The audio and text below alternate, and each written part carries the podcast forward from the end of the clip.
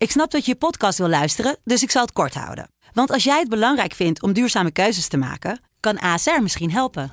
Nou hoor ik je denken, hoe dan? Nou, bijvoorbeeld bij het duurzaam herstellen van schade. Of de premies die we beleggen volgens ons duurzaam beleggingsbeleid. Dat bepaalt waar we wel en juist niet in investeren. Wil je meer weten over welke duurzame keuzes ASR maakt? Ga dan naar asr.nl/slash duurzame keuzes. ASR doet het. Zo, dan kan je nu lekker naar je podcast luisteren.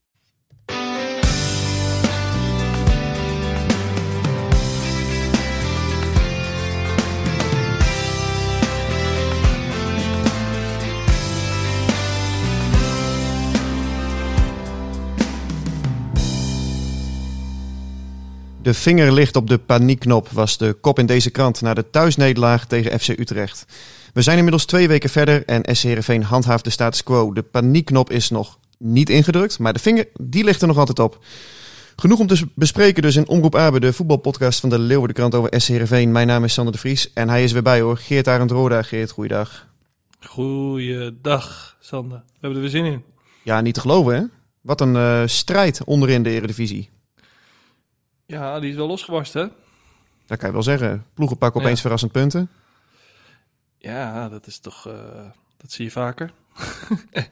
de paniek slaat toe. Dus dan worden er met een, andere, worden er met een ander bijltje gehakt. En dan, uh, dan uh, legt ook wel eens wat op. Ik wil graag beginnen met een fragment. En het fragment betreft Joost van Aken bij ESPN. Ja, ik heb het zwaar gehad. Veel blessures. Veel operaties. Ehm, mensen die me hebben afgeschreven. Mensen die zeiden dat uh, professioneel voetbal misschien er niet meer in zat. Dus ik ben blij dat ik heb laten zien vandaag dat ik het nog kan. Ja, hij is blij dat hij heeft laten zien dat hij het nog kan. Heeft hij dat jou ook laten zien, Geert? Zeker. Veel positief op. Uh, nou ja, we hadden natuurlijk wat vraagtekens hè, bij, zijn, uh, bij zijn komst. Lang niet gespeeld. Nou ja, blijkt dus dat daar uh, wat onderliggend lijden bij zit. Hè? En dan heb ik het even over de enkel. Ja, hij heeft heel veel blessures gehad de voorbije jaren. Aan het bovenbeen en recentelijk aan de enkel inderdaad. Toen hij ja. bij Zulte Waregem in België speelde begin dit seizoen. Ja, het is, het is frustrerend natuurlijk voor hem. Uh, hij is ook heel, eigenlijk nog heel erg jong. Hè? Zeker voor een verdediger, 27. Nou, dat is gewoon nog, uh, dan moet de beste jaren misschien nog wel komen. En uh, ja, als je zo loopt te strijden om elke keer maar uh, fit te worden. En dan ook een beetje pech met de, de clubs waar je hebt gezeten. Waar het niet echt lukt. Ja, dan, dan is dat natuurlijk een ongelofelijke opluchting. Dat je bij de club waar, waar het begonnen is. dat je daar, daar weer je kan maken. Dus, ja. Voor mij was het echt met afstand het mooiste moment van de avond. Dat hij naar die zijlijn van het stadion van RKC liep. Zijn ouders die wachten hem op met uitgestoken armen. Uh, tranen, uh, heel veel emotie. En hij zei ook van ja, ik heb zo'n lange weg afgelegd de uh, afgelopen jaren. En ook zo vaak pech gehad. Nu is dat denk ik iets wat jij wel herkent vanuit jouw eigen actieve carrière. Ja, hoe is ja. dat voor, voor een speler? Of ja, meer specifiek, hoe was dat toen voor jou? Elke keer weer terug moeten knokken is heel frustrerend, omdat je zeg maar, kijk, je hebt natuurlijk op een gegeven moment uh, word je bestempeld als jonge talentvolle speler en dan wil je heel graag, uh, nou, die, die belofte die er jou wordt toegedaan in die zin van uh, over het verwachtingpatroon wat zich om jouw persoon heen creëert, dat wil je graag waarmaken. Misschien wil je dat wel overstijgen. En, en nou, dat, dat kost heel veel trainingsuren en, en heel veel tijd om, om je spel te verbeteren. En uiteindelijk, als je elke keer wordt teruggeworpen door blessures, doordat je geopereerd moet worden, begin je elke keer weer op nul. Je komt weer van helemaal niks, moet je alles weer optrainen. En ja. uiteindelijk uh, ja, is ook wel bekend dat operaties uh, niet zozeer, uh, dat maakt niet zozeer beter. Dat maakt het, ja, het behelpt het, het verhelpt het probleem. Maar uiteindelijk voor de lange termijn wordt je lichaam daar natuurlijk niet beter van. Het zit maar op één manier goed in elkaar. Mm -hmm. En dat is hoe je geboren wordt, zeg maar. Nu kon je bij hem wel zien, hij heeft de afgelopen maanden, misschien ook wel jaren, talloze uren doorgebracht in het krachtonk. Uh, ja. Het, hij ging echt als een, als een mager jongetje eigenlijk weg naar Sheffield Wednesday een paar jaar geleden. En ja, nu stond er echt een brede, grote, sterke vent. Dat, uh, die uren die hebben zich wel uh, uitbetaald. Nou ja, zeker. Maar heeft ook te maken met leeftijd, denk ik. Ja, dus hij zit nu ook een beetje in de kracht van zijn, van zijn leven. En uh, dus dat heeft daar ook mee te maken. Maar zeker dat heeft hij in Engeland 100% op moeten pakken. Dat daar, daar wordt gewoon heel veel fysieke ja, kracht, maar ook volume hè, in het lichaam gevraagd. En, en daar heeft hij in moeten investeren. En uiteindelijk ja, zie je dat natuurlijk wel terug bij zo'n jongen. Hij, is natuurlijk, hij heeft natuurlijk geweldig postuur heel mooi, lang en slank van zichzelf. En ja, linksbenig. Dus, ja. Dus hij maar ook een mooie verdediger, hè? want hij heeft ook nog een goede functionele techniek, een goede inspeelpaas. Ja. Ja, en, Nederlands verdediger. Ja, zeker. En eigenlijk kon je in Waalwijk, dat vond ik toch echt knap van hem, je kon meteen al zien dat het een meerwaarde was. Zeker weten. Daarnaast ging je natuurlijk met drie achterop spelen. Dus uh, ja, aangepast aan, uh, aan RKC uh, twee spitsen systeem. Dus dat was, nou ja, dat, daar heeft hij wel maximaal, nou ja, daar kwam hij goed uit, zeg maar. Doordat hij in, niet, niet veel in een 1 tegen 1 kwam. Dus hij kwam, kon dat goed, het spel goed lezen. Nou, dat verleer je niet. Ook al ben je 100 jaar geblesseerd. Dat verleer je niet, dat heb je. Ja, ze konden ook dus, mooi uh, dubbelen de hele tijd met ja, Van Aken, Van Beek en Bakker. Ehm, hij heeft echt heel degelijk gespeeld. En ik ben echt wel... Nou, ik was, ik was daar ook wel een beetje ontroerd door dat, dat moment. Ik heb hem ook een bericht gestuurd, moet ik zeggen. Want ik vond, ik vond het ook een fantastisch moment dat hij het toch heeft waar kunnen maken. En ik ken het verhaal van dat mensen twijfelen of je het überhaupt nog moet willen uitvoeren. Hè, of je dat nog moet vragen van je lichaam. En, en dat, is, dat is mij ook meerdere malen verteld. En, en, eh, dus ik herken wel die, die, uh, die emotie ook. En Hoe gaat zoiets dan? Dan komt een clubdokter of de dokter van het uh, plaatselijke ziekenhuis naar je toe en die zegt: Joh, Geert, ik zou toch maar eens gaan nadenken over een maatschappelijke loopbaan. Terwijl je al die jaren daarvoor natuurlijk alles opzij hebt gezet om dat ja, ultieme doel te behalen. Of is het niet zo zwart-wit? Ik denk dat, ik weet niet, nee, ik denk niet dat het zo zwart-wit is. Ik denk ook niet dat, het, uh, dat elke situatie hetzelfde is. Ik kan alleen vertellen hoe mijn, uh, hoe mijn uh, situatie is gegaan natuurlijk. En uh, nou, bij mij, ik was onder behandeling van een van de beste artsen van Nederland op dat moment. En, uh, Rien Heijboer. Ja, want jij zat met je knie. Uh, ongelooflijk positieve man. En, maar ook heel kundig en, uh, en heel erg sportminded. Dus die denkt ook mee met jou als speler. Nou, dat is wel heel erg prettig als dat je behandelend arts is, moet ik zeggen. En, maar ja, je komt ook wel eens uh, onder de loep bij een andere arts. Hè, die bij, uh, bij clubs werken of misschien wel bij een uh, plaatselijk ziekenhuis. En, en ja, die, die, die schrikken dan wel eens. Ja. En, en die vertellen je wel van uh, zo, maar dit, dit, is wel, uh, dit is wel serieus, uh, vriend. En nou ja, dat, dat is heel confronterend, omdat zeg maar, ja, dan komt in gevaar wat je het aller, aller, allerliefste doet. Ja, dat, dan slaat de schrik om je hart. ja, dat wordt even aan de kaak gesteld, zeg maar. Dat wordt even bevraagd van of je dat nog wel moet willen. En, en ja, dat is natuurlijk nooit een discussie, want je gaat daar gewoon voor. En je bent bereid om heel veel op te geven. Alleen, uh, ja, dat is super confronterend en super pijnlijk, omdat uh, ja, mensen willen je bevragen over iets wat je het aller, nogmaals, het allerliefste mm-hmm. doet. En waar, waar je heel je ziel en zaligheid in hebt gestopt vanaf als, als klein jongetje ja. af aan. Des te dus, knapper dus is het ook dat hij nu weer terugkeert en ook meteen op een goed niveau ook terugkeert. Ik heb hem natuurlijk de voorbije weken gevolgd en het viel mij op trainingen bijvoorbeeld ook al op dat hij qua niveau ja, meteen moeiteloos eigenlijk meedraaide. Ondanks dat hij dus nog een forse conditionele inhaalslag moest maken. Ik heb vorige week ook de oefenwedstrijd tegen Groningen heb ik, uh, heb ik gezien. En ja, toen kreeg ik al zo'n voorgevoel dat hij wel eens zou kunnen gaan starten tegen RKC Waalwijk. En ja, dit leidt eigenlijk tot de vraag: is Joost van Aken de talisman van SC Heerenveen in de strijd tegen, ja, tegen degradatie, Geert? Ja, kijk, dat is, ja, dat is heel optimistisch. Uh, ja, lichtelijk opportun. Kijk, voor hem is het een persoonlijk een ongelooflijk groot succes. En, en, ik herken ook wat hij zegt, van je, je geniet van de kleinste dingen, weet je. Zeker uh, misschien wel... Uh, Als zelfs van een nederlaag kun je nog genieten. Ja, van die klote momentje die je meemaakt. Ja, maar gewoon het, het moment, weet je. Het, ik weet nog dat als ik terugkwam, dan was het misschien wat minder weer. En dan uh, ja, hoor je natuurlijk jongens die altijd fit zijn, die klagen daarover. Het weer, het koud en het waait. En uh, ja, als, als speler heb je dat... Uh, ja, dan denk je daar geen seconde over na, joh. Dan denk je van, hey, hou toch op, man. Uh, wees blij dat je, dat je gewoon vrij bent om te bewegen en dingen te doen die, die je hartstikke mooi vindt. En, en elke keer zet dat het weer in perspectief. Alleen, ja, hij heeft nu één wedstrijd gespeeld. En, en uh, nou, het is gewoon afwachten hoe zich dat gaat verhouden. Dus hoe herstelt die jongen en hoe kan hij zich weer opladen. Kijk, mentaal zal het geen probleem zijn. Alleen, ja, fysiek is altijd maar even afwachten hoe, of, dat, uh, of dat heel snel herstelt. Of dat het, uh, of dat het weer even tijd ja, nodig heeft. Want hij heeft heel lang niet gespeeld onder deze druk. En uh, op dit niveau. Dus, dus ja, dat is even afwachten. Hoe vond je überhaupt dat het ging in dat 5-3-2 systeem? Want het was de eerste keer dat Ode Tobias dit systeem hanteerde. Hij heeft er de voorbije weken wel een paar keer nou ja, naar naar gesuggereerd. Hield die optie ook nadrukkelijk open.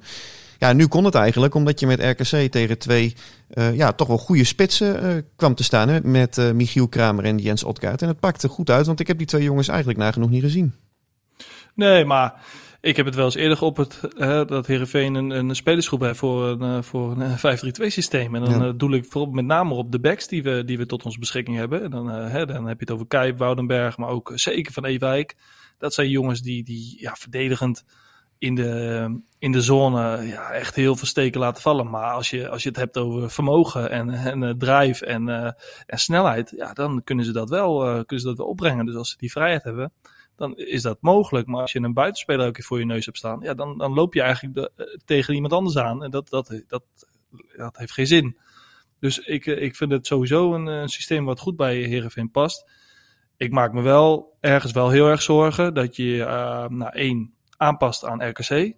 Even algemeen in de regel. Ja, dat klopt. En dat je heel tevreden bent met een, uh, met een punt, met het uh, vertoonde spel. Daar maak ik me heel erg zorgen om. Ja, dat deel ik wel met jou. Want ik was natuurlijk uh, bij die wedstrijd aanwezig. En ik bespeurde na afloop in de catacombe van de mensen die ik sprak toch een, ja, wel een, een, een gevoel dat het midden hield tussen blijdschap en opluchting. Toch ook wat teleurstelling trouwens. Dat zei Ole Tobias er ook bij. Omdat hij de, zei dat, dat, dat ze de kansen niet verzilverden. En dan doelde hij met name op de eerste helft. Maar ja, ja toch, um, het, het grootste gevaar is nu denken dat het allemaal uh, goed komt. Want ja, je slaat in principe de aanval van Willem II en RKC af. Maar wat ik bespeurde was toch iets van, nou, deze horde is genomen. Nee, die horde is helemaal niet genomen. Die horde was genomen op het moment als Herenveen daadwerkelijk had gewonnen. Want ze zitten er nu nog steeds middenin. 100% feitelijk waar. Als je kijkt naar de, naar de aantal punten, uh, sta, je er gewoon, uh, sta je er gewoon bij. En, en uh, nou ja, je kan wel zeggen van, nou, die hoorde natuurlijk, we hebben die aanval afgeslagen. Alleen, nou ja, weet je, dat geldt natuurlijk niet voor bijvoorbeeld Sparta heeft bijvoorbeeld wel gewonnen. Ja, want die jij. daar weer twee punten dichterbij. Jij werkt natuurlijk bij Sparta als de belofte trainer. Uh, ik heb die wedstrijd van jullie ook uh, gezien dan in de, in de samenvatting. Maar ik heb laatst ook de wedstrijd van Sparta tegen PSV. Die heb ik wel helemaal bekeken. Um, ik zie bij Sparta toch een groter, een hoger gevoel van urgentie. Van jongens die het klappen van de zweep kennen in de strijd tegen degradatie dan bij SC Heerenveen. Ja, kun dat is toch heel logisch? Dat is heel logisch als je kijkt naar het, de spelers die, die Sparta heeft. Dat zijn jongens die, die. Nou, ik neem even een voorbeeld. Adil Ouassar. Die speelt al uh, 15 jaar betaald voetbal. En die speelt al 15 jaar, uh, nou, misschien een paar, twee, drie jaar uh, uitge, uitgezonderd. Maar over het algemeen speelt hij altijd aan de onderkant van de Eredivisie. En dat is een speler die precies weet wat daar gevraagd wordt. En wat er nodig is om uiteindelijk ja. degradatie te voorkomen. Nou ja, Tommy en, Beugelsdijk, en, nou, Tom Beugelsdijk is natuurlijk hetzelfde. Uh, dat soort vrienden, gasten. Het zijn allemaal jongens die gewoon uh, nou, niet snel in de war raken. En, en, uh, nou ja, en dat heb je bij, nou, bij Heerenveen moet ik dat, moeten we dat allemaal nog zien of ze dat, of ze dat kunnen. Ja, maar daar maak ik me dus wel verrekte zorgen over. Op het moment als het dan misgaat tegen Heracles, dan wel tegen Sparta. Hè? Want dat is de volgende uitwedstrijd begin, begin april. Ja. Ja, dan, dan, is het, dan is die paniekknop dus wel ingedrukt. En dan is de vraag van ja, kunnen deze jongens dat, die druk dan wel aan die erbij komt kijken. Ja. Ook omdat ze het nog nooit hebben meegemaakt. Zeker. Ik denk dat het spanningsveld, het spanningsveld ligt hem in, uh, nou, Heerenveen heeft kwaliteiten genoeg om, om zich te handhaven. Of in ieder geval, ja, je mag, ik denk dat je, dat je jezelf ook hebt bestempeld als degradatiekandidaat. Als je, nou, één, aan gaat passen aan, uh, aan teams die uh, aan de onderkant van de Eredivisie spelen. Plus, als je tevreden bent met een 0-0. Uh, tegen deze ploegen. Dan denk ik dat je jezelf ook bestempelt als een ploeg die, daar, uh, die daarbij hoort. En, en uh, ja, ik denk, en nogmaals, het spanningsveld zit hem denk ik in van kunnen we kwalitatief laten zien dat wij nou, niet in de problemen komen. Dus dat we de punten halen op eigen kracht, ja. op kwaliteit. En die spelers heb je en die kwaliteit heb je. Of laten we ons meeslepen, krijgen we dat niet voor elkaar en worden we gevraagd, wordt er van ons gevraagd om echt in de overlevingsstrijd te komen. Ja, dat het echt.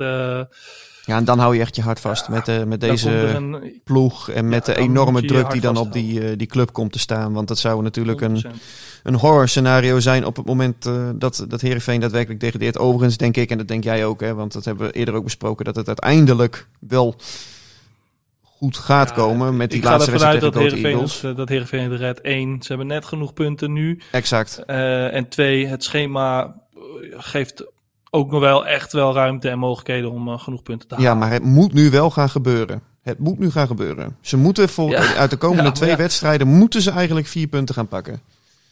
Ja, duidelijk. Duidelijk verhaal. Ehm, over verhalen gesproken. We hebben later deze week eh, heb ik een verhaal in de krant. En daar heb ik de Heerenveen wat, eh, nou ja, laten we zeggen, ontleed aan de hand van wat eh, statistieken die ik heb opgevraagd. Een van de nou ja, hoofdvragen is: in hoeverre verschilt het team van Olo Tobiasse, die nu zes wedstrijden aan het roer staat als interim trainer, zich tot het team van Johnny Jansen in de eerste 20 wedstrijden? Nou, we hebben allemaal natuurlijk gezien dat Tobias eh, vooralsnog twee punten heeft gepakt met zijn ploeg. Dat er ook nog maar twee doelpunten zijn gemaakt. Maar je kijkt dan vooral naar de cijfers die daaronder liggen. Bijvoorbeeld de percentages als het gaat om het percentage balbezit, om de paasnauwkeurigheid, het aantal passes, het aantal schoten, het aantal schoten op doel en het aantal schoten geïncasseerd. En guess what? Nagenoeg geen verschil. En eigenlijk verrast me dat niet. Ook omdat Ole Tobias zei, ik wil doorgaan op de weg die we hebben ingezet. Hoe kijk jij er tegenaan? Ja, het is, eh, ja, het is ook dan ook niet verrassend, toch? Kijk, als je een, eh, nou, ik denk als Heerenveen echt een eh, schokeffect had gewild, dan, nou, als je dan de hoofdtrainer wegstuurt, dan ga je wel gelijk een ander type trainer. En, nou ja, ik noem even wat, wat Willem II vorig jaar heeft gedaan met een Petrovic bijvoorbeeld.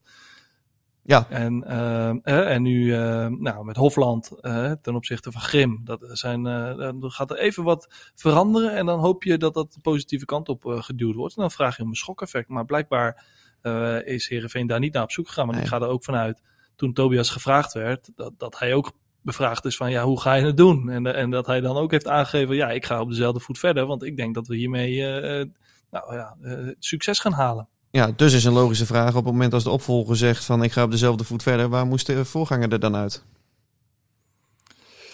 Ja, dat is een goede vraag die je moet stellen, denk ik, aan eh, de beleidsbepalers. Ja, goed, Toch? uiteraard hebben we, heb ik die vraag toen ook wel gesteld. En toen ging het ook over al eh, wat langer eh, chagrijn. Hè, zo werd het toen gezegd. Ik parafraseer nu eventjes dat al hing rondom de club.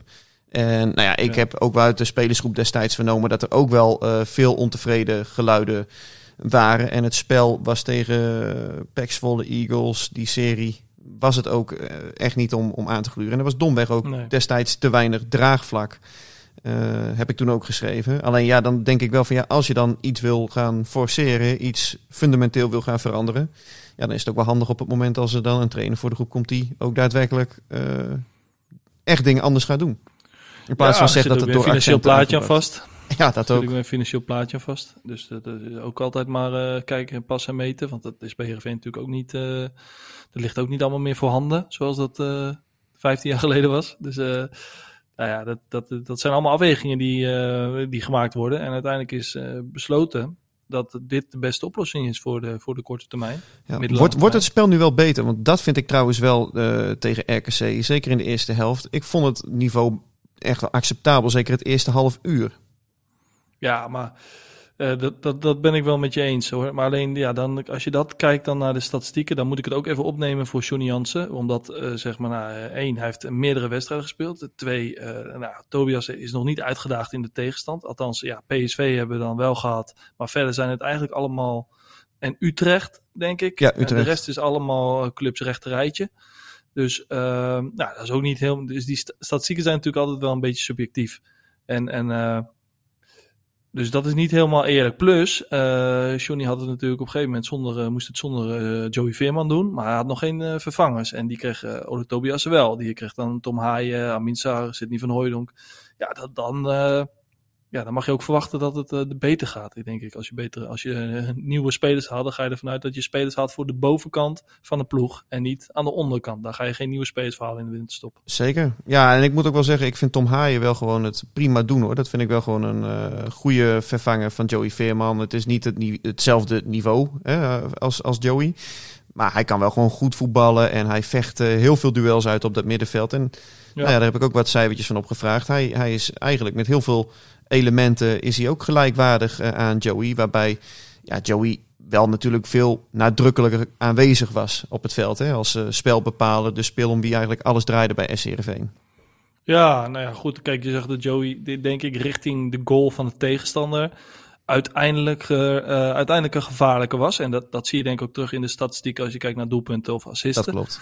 Ehm, en, en hij komt natuurlijk vaak nog lager aan de bal. Dus echt bij de verdedigers in de buurt om ballen te halen. En vandaar zijn passing te, nou, ja, te verspreiden. En, en nou, ik vind ook dat hij het hartstikke behoorlijk doet. En, alleen, ja, ik vind het niet vergelijkbaar. Ik vond Joey daarin wel nog wel een niveau, niveau hoger. Absoluut hoor. En hoe kijk jij er nu tegenaan met betrekking tot het duel met Heracles? Vrijdagavond om acht uur in het Abelenstra stadion. Is het uur u. Het uh, moment van de waarheid is dat nu aangebroken. De finale, ja, we kunnen alle clichés die er zijn wel erop loslaten. maar ik denk dat we toch wel een beetje in die richting moeten gaan zoeken, toch? Nou, je komt wel richting de laatste finales. Hè? Elke wedstrijd is een finale. En de uh, volgende wedstrijd is de allerbelangrijkste die we spelen dit seizoen. Dat, dat, dat daar kan je niet omheen. Alleen, uh, ja, Heracles is ook een heel wisselvallige ploeg. En, en nou ja, Heerenveen, kijk, ik hoop gewoon en ik, en ik ga er ook vanuit dat we, dat we het, het spel waar we nu een beetje positief gevoel aan over hebben gehouden. Hè? Tenminste, zo wordt dat uh, wel uh, verkondigd. Nou, je hebt ook twee keer de nul gehouden, dus dat is ook gewoon hartstikke prima. Twee uitwedstrijden, dat gebeurt ook niet zomaar. RKC scoort ook vaak gewoon wel thuis. En uh, dus dat, dat snap ik dat dat best wel een positief gevoel kan opwekken. Alleen nu gaat het erom, ja, thuis, uh, Heracles, vrijdagavond, ja, dat moet een ongelooflijk feest worden. En daar moet, uh, daar moet alles eigenlijk, uh, nou, de positiviteit meegenomen worden en uiteindelijk het showmoment voor het eigen publiek. Dat zou een geweldig scenario zijn waarbij je ook jezelf gelijk op een hele andere uh, positie zet binnen, binnen de competitie. Ja, de conclusie zou kunnen zijn, deze twee wedstrijden die mocht je niet verliezen. En nu komen er echt wedstrijden aan die je zelf moet gaan winnen, toch? Um, ja, ja. Zo kan je het, zo, ja, zo kan je het stellen. Alleen, ja, ik denk dat Herenveen, uh, ook gezien de spelers die, die, we, die we hebben, is het wel zo dat je thuiswedstrijden tegen alle ploegen, nou, dan heb ik het even over NEC, heb je Fortuna of uh, Heracles, ja, dan moet je echt spelen om te winnen. En ik snap als je een uitwedstrijd hebt waarbij je in een hele zware serie terechtkomt, dat, dat het ook wel eens even, uh, dat je even zoiets hebt van, nou, oké jongens, maar deze, de, deze moeten we eigenlijk niet verliezen. Dus dat, dat, uh, ja, dat is een beetje de, de crux.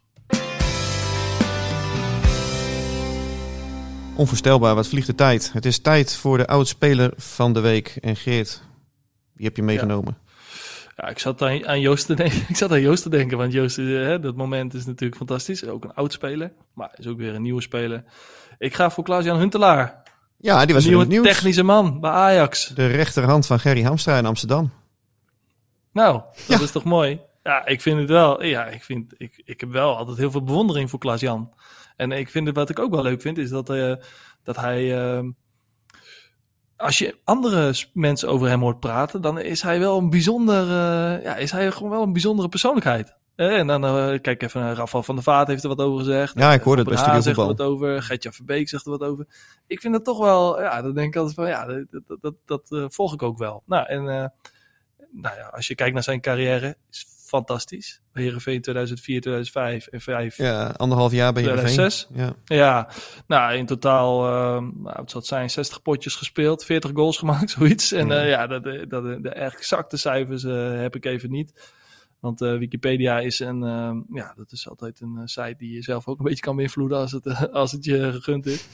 Dus, uh, maar zijn carrière overal meer dan 600 wedstrijden, meer dan 350 goals. Uh, ja, krankzinnig mooie carrière gehad. Bij de allergrootste clubs van de wereld gespeeld. En nu ja, komt hij terug bij Ajax in een, uh, ja, denk in eerste instantie ondersteunende rol. Of een, ja, ja, volgens mij gaat hij Gerry Hamstra, die wij natuurlijk goed kennen, nog vanuit Heerenveen assisteren. En ja, volgens mij is het nu uh, ja, nagenoeg precies een jaar geleden dat Gerry Hamstra vertrok bij SC Heerenveen. Hè? En uh, ja, als je toen een jaar geleden tegen mij had gezegd dat uh, Gerry Hamstra tijdelijk de technische baas bij Ajax was, omdat Mark Overmars dickpics had verstuurd en Klaas-Jan Huntelaar zijn rechterhand zou gaan worden, dan had ik echt gezegd van joh, drink er nog een, weet je wel. Ja, ja, ja. ja. Dus het bewijst ook ja. weer hoe onvoorspelbaar het allemaal is. Ja, nou ja, goed. Ja, gezien de omstandigheden kan dat natuurlijk uh, op deze manier uh, gewoon uh, gebeuren. En, en het is ontzettend onvoorspelbaar. Maar ik vind het wel mooi dat, dat Huntelaar weer terug is in een rol, maar ook in het Nederlands voetbal. Want nou, we kunnen kiezen, denk ik wel, voor iets bij Schalke of zo. Ja, is natuurlijk, heeft natuurlijk ook ontzettend veel jaren gespeeld. En, en hoe? Dus ja, dat, dat had ook gekund. Maar hij is gewoon weer terug in Nederland. Ja, Alleen niet bij Heerenveen helaas. Een ontzettend uh, aardige kerel lijkt het me ook. Uh, ik weet nog een paar jaar geleden, toen hadden wij een verhaal met hem in de krant. Toen hij nog speler was van Ajax. En toen had uh, mijn collega Anne-Rolf van der Meer gevraagd of nou ja, hij wilde meewerken aan een verhaal om terug te blikken op zijn tijd bij SC Heerenveen. Nou, dat verzoek toen ingediend via de persvoorlichting van Ajax. En hij was meteen enthousiast. Tuurlijk, kom maar langs en alle tijd. Ja, dat vind ik ook mooi op het moment als je dan uh, spits bent geweest bij Ajax, bij Real Madrid, AC Milan, een icoon van Schalke bent geworden. Ja, dat je dan uh, dit soort dingen ook gewoon nog, nog steeds wel leuk vindt om te doen. Of misschien deed hij het ook wel met frisse tegenzin, maar hij maakt in ieder geval uitgebreid tijd. Ja, ik denk gewoon dat het wel bij zijn uh, persoonlijkheid past. Als je hem, hij komt uit het oosten van het land, dus dat is ook vrij, vrij normaal. En ik vraag me ook af of hij met oud Heerenveen nog een keer mee wil doen, want voor ons een ongelooflijke aanwinst. Nou, als Klaas-Jan Huntelaar luistert, dan uh, bij deze. Je hebt een uitnodiging ja, dat kan bijna niet anders. Je komt niet aan deze podcast. Ik weet, ik weet het haast wel zeker. Geert, we gaan het allemaal weer meemaken. Komende vrijdag Herakles. Uh, en daar gaan wij uiteraard uitgebreid over naspreken. Dank voor je tijd en tot yes. snel. Oké okay, man. Dit was Omroep Abe. De podcast over SC Heerenveen van de Leeuwarden Courant. Omroep Abe. Voor achtergronden, interviews en nieuws over SC Heerenveen. Abonneer je via jouw favoriete podcast-app.